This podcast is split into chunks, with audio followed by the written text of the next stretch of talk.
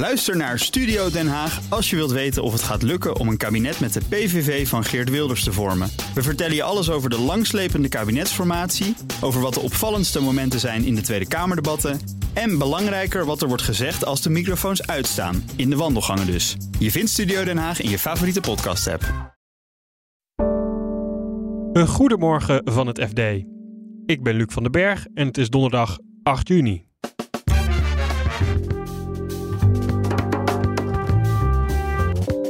De Fiat doet onderzoek naar een Nederlands bedrijf dat banden heeft met een bekende Russische oligarch. Een hele opmerkelijke, omdat iemand dus echt uit de inner circle van, van Vladimir Poetin ja, toch belangen blijkt te hebben uh, in Nederland. Het fraudeonderzoek van accountants is volgens de AFM te oppervlakkig. Het is ook niet voor niks dat de AFM die zich redelijk op de vlakte hield de afgelopen jaren nu toch echt wel een flinke tik uitdeelt en uh, toch wel snoeiharde conclusies trekt. En Saoedi-Arabië smijt met geld om topvoetballers binnen te halen. Karim Benzema, die eerder deze week een contract tekende bij een Saoedi-Arabische club. Ja, die gaat 200 miljoen per jaar verdienen. En Cristiano Ronaldo voetbalt er ook al. En die verdient uh, ook 600 miljoen. Dit is de dagkoers van het FD. Arkady Rotenberg is een van de meest bekende Russische oligarchen. Dat komt uh, dat naast dat hij miljardair is, dat hij ook een jeugdvriend is van Vladimir Poetin. Zij kennen elkaar al sinds hun negende. Uh, en zij judo bijvoorbeeld ook uh, samen. En Rotenberg die heeft diverse bouwbedrijven. Bruggen bouwt hij, wegen bouwt hij. Onder andere rond de Olympische Spelen van Sochi heeft hij veel overheidsopdrachten binnengesleept. Zijn bedrijf kreeg ook de opdracht om de Kerkbrug, de brug die na de annexatie van de Krim door Rusland, het vasteland van Rusland met de Krim verbond te bouwen. En om die reden staat hij dus ook al sinds de annexatie van de Krim op de Europese sanctielijst. Daarop valt ook te lezen dat hij die opdrachten die hij dus binnengesleept heeft, ja, dat hij dat op dubieuze wijze zonder al te veel concurrentie, ja, dat hij die zo binnengesleept heeft en zich ook zo heeft weten te verrijken. Dit is onderzoeksjournalist Jasper Been. Hij vertelt over de Russische oligarch Arkady Rotenberg. De reden dat je nu over Rotenberg hoort is dat het FD ontdekte dat hij voorkomt in een Field-onderzoek. Rotenberg zou via een Nederlands bedrijf miljoenen dividenden hebben ontvangen. Het bedrijf waar het om gaat heet Highway Operations. Uh, dat is een uh, in Nederland gevestigde joint venture. Dat zat eerst in een woonwijk in Breda toen het opgericht werd in 2015. Is later uh, naar Schiphol verplaatst. En dat is een joint venture van het Franse Vinci, zo'n groot infrastructuurconglomeraat, en het Russische Mosto Trust. En via dit Nederlandse bedrijf baten zij ruim duizend kilometer aan tolwegen rondom Moskou uit. En dat gaat dan echt om de grotere snelwegen in Rusland. Dus de snelweg onder andere richting Sint-Petersburg en ook de Oekraïne-snelweg. En waarom is dit nou relevant? Komt omdat Arkady Rotenberg in 2018 meerderheidsaandeelhouder is geworden van Mostotrest. En vrij snel daarna is Mostotrest dus ook op de Europese sanctielijst uh, terechtgekomen. Maar hoe komt het dat we daar dan nu pas in één keer van horen? En de aanleiding van ons onderzoek was een persbericht van de Fiat van vorige week. Daarin schreef de opsporingsdienst van de Belastingdienst, hè, die, die schreven dat ze een uh, Nederlandse bestuurder hadden aangehouden op verdenking van overtreding van de sanctiewet. En ja, toen dachten wij, wij willen graag weten wie die man is en uh, uh, om welke bedrijven dit dan zou gaan. We zijn er dus achter gekomen dat het gaat om Jeroen van Zet, een 73-jarig bestuurder, die dus bestuurder is van Highway Operations. En de Fiat verdenkt hem van onder andere van het, uh, het overmaken van ongeveer 19 miljoen euro aan dividend aan een Russische uh, gesanctioneerde partij. Ja, en daarvan zijn wij dus achtergekomen, ja, dat is dus Mosto Trest. Ja, en dat is een flinke aantijging, want het zou betekenen dat deze man dus 19 miljoen euro aan dividend heeft uitgekeerd aan een uh, partij die op de sanctielijst staat. En dat mag niet. ja, ja dat, dat mag inderdaad niet, als dat waar is. Daar heb ik deze meneer ook uitgebreid zelf gesproken. En hij ontkent uh, alle aantijgingen. Hij zegt dat daar volstrekt niks klopt van, uh, van de beweringen van de Field. En hoe is de Field dan op deze zaak gestuurd? De Field zegt uh, dat ze een tip kregen van de douane. en die zijn natuurlijk al langere tijd druk met, ja, met, die, met die Russische sancties. Hè, de eerste batch daarvan is in 2014 gekomen bij de annexatie van de Krim. En met de oorlog in de Oekraïne zijn er nog weer heel veel meer Russen en Russische bedrijven op die sanctielijst gezet. En de druk is ook heel groot, ook in Nederland, uh, op strenge naleving van die sancties.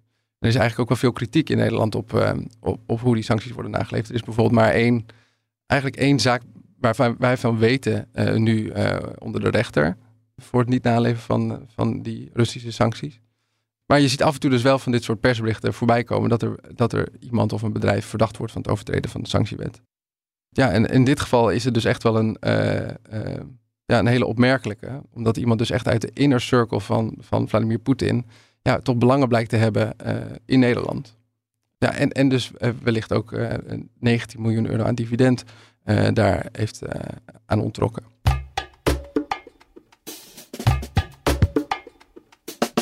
Accountants schatten het risico op fraude bij klanten structureel veel te laag in. Dat zegt althans toezichthouder AFM in een kritisch rapport over de kwaliteit van fraudecontrole. Zuidas-redacteur Martijn Pols vertelt hoe erg het volgens de AFM gesteld is met de accountants. Uh, nou, vrij ernstig, want uh, ze hebben 32 dossiers uh, in totaal bekeken en eigenlijk voldeden er maar vijf. en bij de andere waren er zogeheten bevindingen, dus opmerkingen van de toezichthouder dat het niet goed was. En wat was er dan niet goed? Wat zijn dan de risico's die fout kunnen gaan? Het belangrijkste is dat een accountant, omdat hij zijn werk eh, goed moet doen, op voorhand eigenlijk zijn strategie bepaalt. Van waar ga ik bij dit bedrijf goed op letten. Uh, en een van de verplichte onderdelen is dan dat je ook kijkt naar de frauderisico's. Dus wat voor soort bedrijven zit in wat voor sectoren zit dit, in wat voor landen is dit operatief. En dan kun je daar een lijstje van maken. En dan weet je van, nou ja, als ik nu straks door de boeken heen ga, dan moet ik daar goed op letten dat dit misschien kan voorkomen of dat misschien. Dan heb je het over omkoping, uh, corruptie, uh, kartelvorming, al dat soort voorbeelden. En dat hoor je van tevoren goed in te schatten. En de AFM heeft die lijstjes er eigenlijk bij gepakt en heeft dan gezien dat het in het overgrote deel gewoon niet goed is.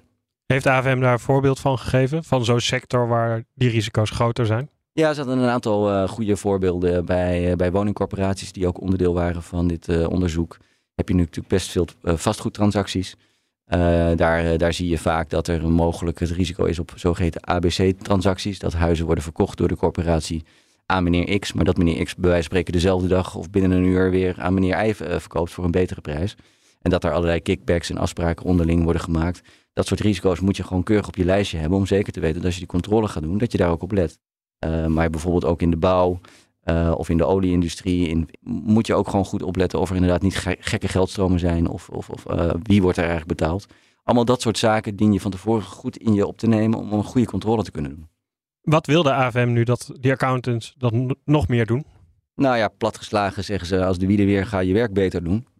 Dat is ergens wel een soort van cynische opmerking, omdat fraude eigenlijk al de afgelopen jaren continu bovenaan de lijstjes van discussiepunten met de accountancy staat. Eh, het is ook niet voor niks dat de AFM die zich redelijk op de vlakte hield de afgelopen jaren, nu toch echt wel een flinke tik uitdeelt en toch wel snoeiharde conclusies trekt op, basis van dit onderzoek. Dat is voor ons ook wel weer een teken dat ze het echt wel serieus nemen. Um, ze laten het vooralsnog bij de kantoren zelf die bij het onderzoek betrokken waren. Ze geven nu publiekelijk ook duidelijk de waarschuwing van we gaan hier in 2024 nog een keer naar kijken. Dus voorlopig zijn er nog geen sancties, maar het is wel een hele duidelijke waarschuwing dat dit echt beter moet. En ze gaan ook in gesprek met de beroepsorganisatie NBA en, en kantoren om, uh, om toch weer eens te vragen van hoe kan het nou dat we toch na drie, vier jaar discussie over dit punt uh, nog steeds zien dat dit eigenlijk helemaal niet veel te oppervlakkig wordt gedaan en helemaal niet goed gaat. Je zegt al, hè, ze gaan nog geen sancties invoeren. Toch is die toon redelijk hard van de AFM. Waar komt dat dan vandaan? Nou ja, dat hebben we ook aan ze gevraagd. We hebben ze gesproken gisteren. En um, zij uh, zeggen van ja, als de feiten er uh, liegen er niet om. Als de feiten slecht zijn, zullen we dat ook nog steeds blijven benoemen. Uh, ze geven ook wel aan dat ze uiteraard van toon zijn veranderd. Dat hebben ze ook heel bewust een paar jaar geleden gedaan. Omdat ze een constructieve dialoog met de sector willen. Dat, dat moet leiden tot verbeteringen in die sector. Vroeger was het altijd ruzie en rumoer over de toon en was de AFM heel hard. Dat is wat afgezwakt, maar je ziet nu toch wel weer uh, wat meer van de oude AFM terug. En dat uh, zegt mij wel dat, uh, dat, dat het ook wel ernst is waar, het, waar het om de fraude gaat. En ik denk objectief gezien dat dat ook zo is. Fraude wordt vaak gezien door accountants als iets van ja, het is verhuld. Daar kunnen wij, zijn geen opsporingsambtenaren, we zijn geen politieagenten, we kunnen niet alles zien. Dat is helemaal waar, dat zegt de AFM zelf ook.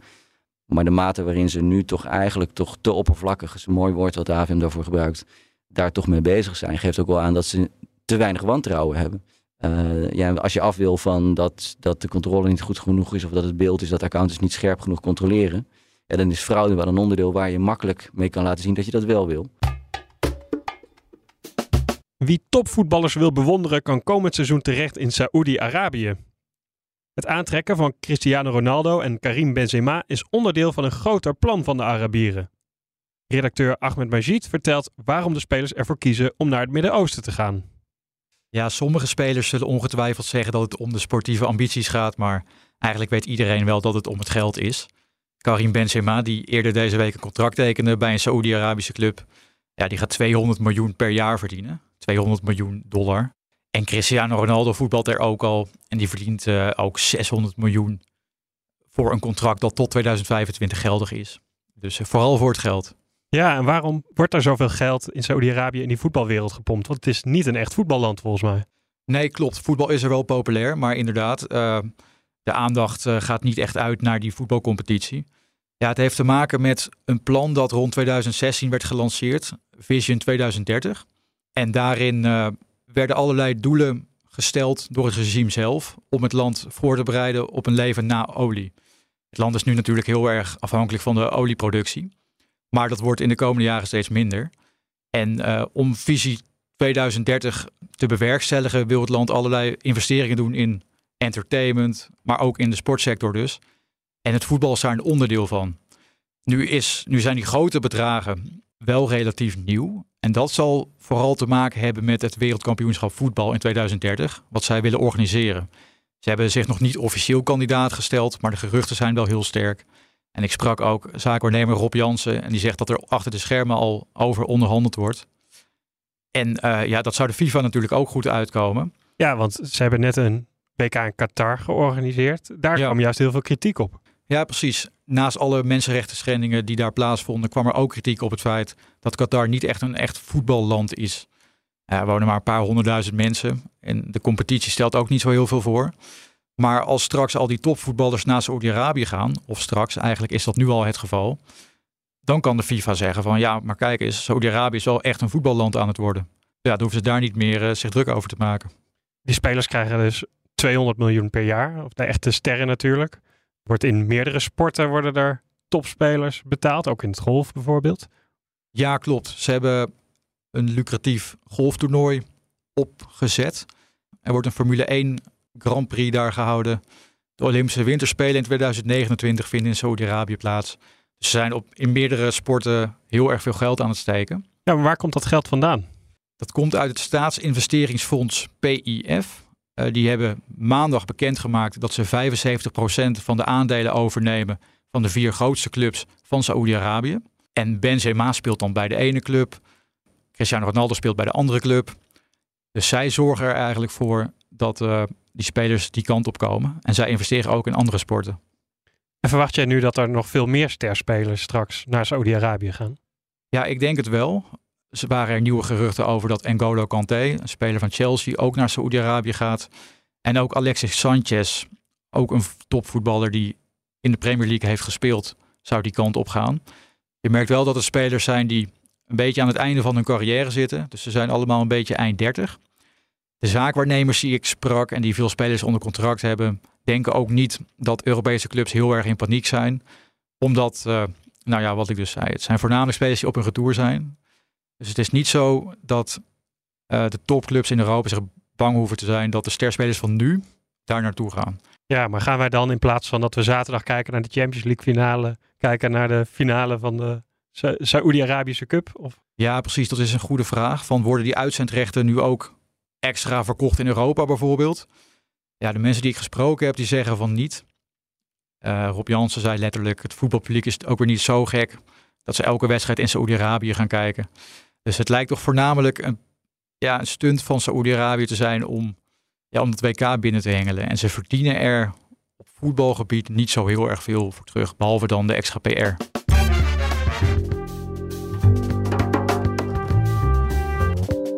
Dit was de dagkoers van het FD. Morgen zijn we er weer met een nieuwe aflevering. En ondertussen vind je het laatste financieel-economische nieuws in onze app. Voor nu een hele fijne dag en graag tot morgen.